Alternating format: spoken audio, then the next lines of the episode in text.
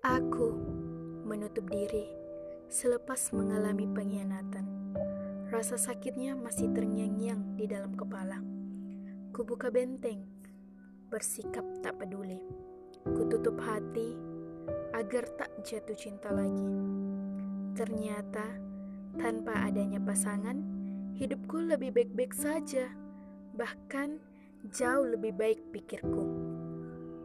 Namun, suatu hari aku terpaksa menyuguhkan senyum terbaikku saat pertemuan pertama itu.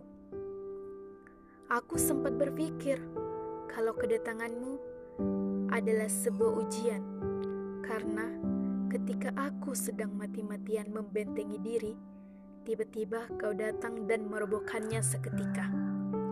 Sihir apa yang kau lakukan yang membuat jantungku berdegup tak berirama? ketika tak sengaja mata kita bertatapan.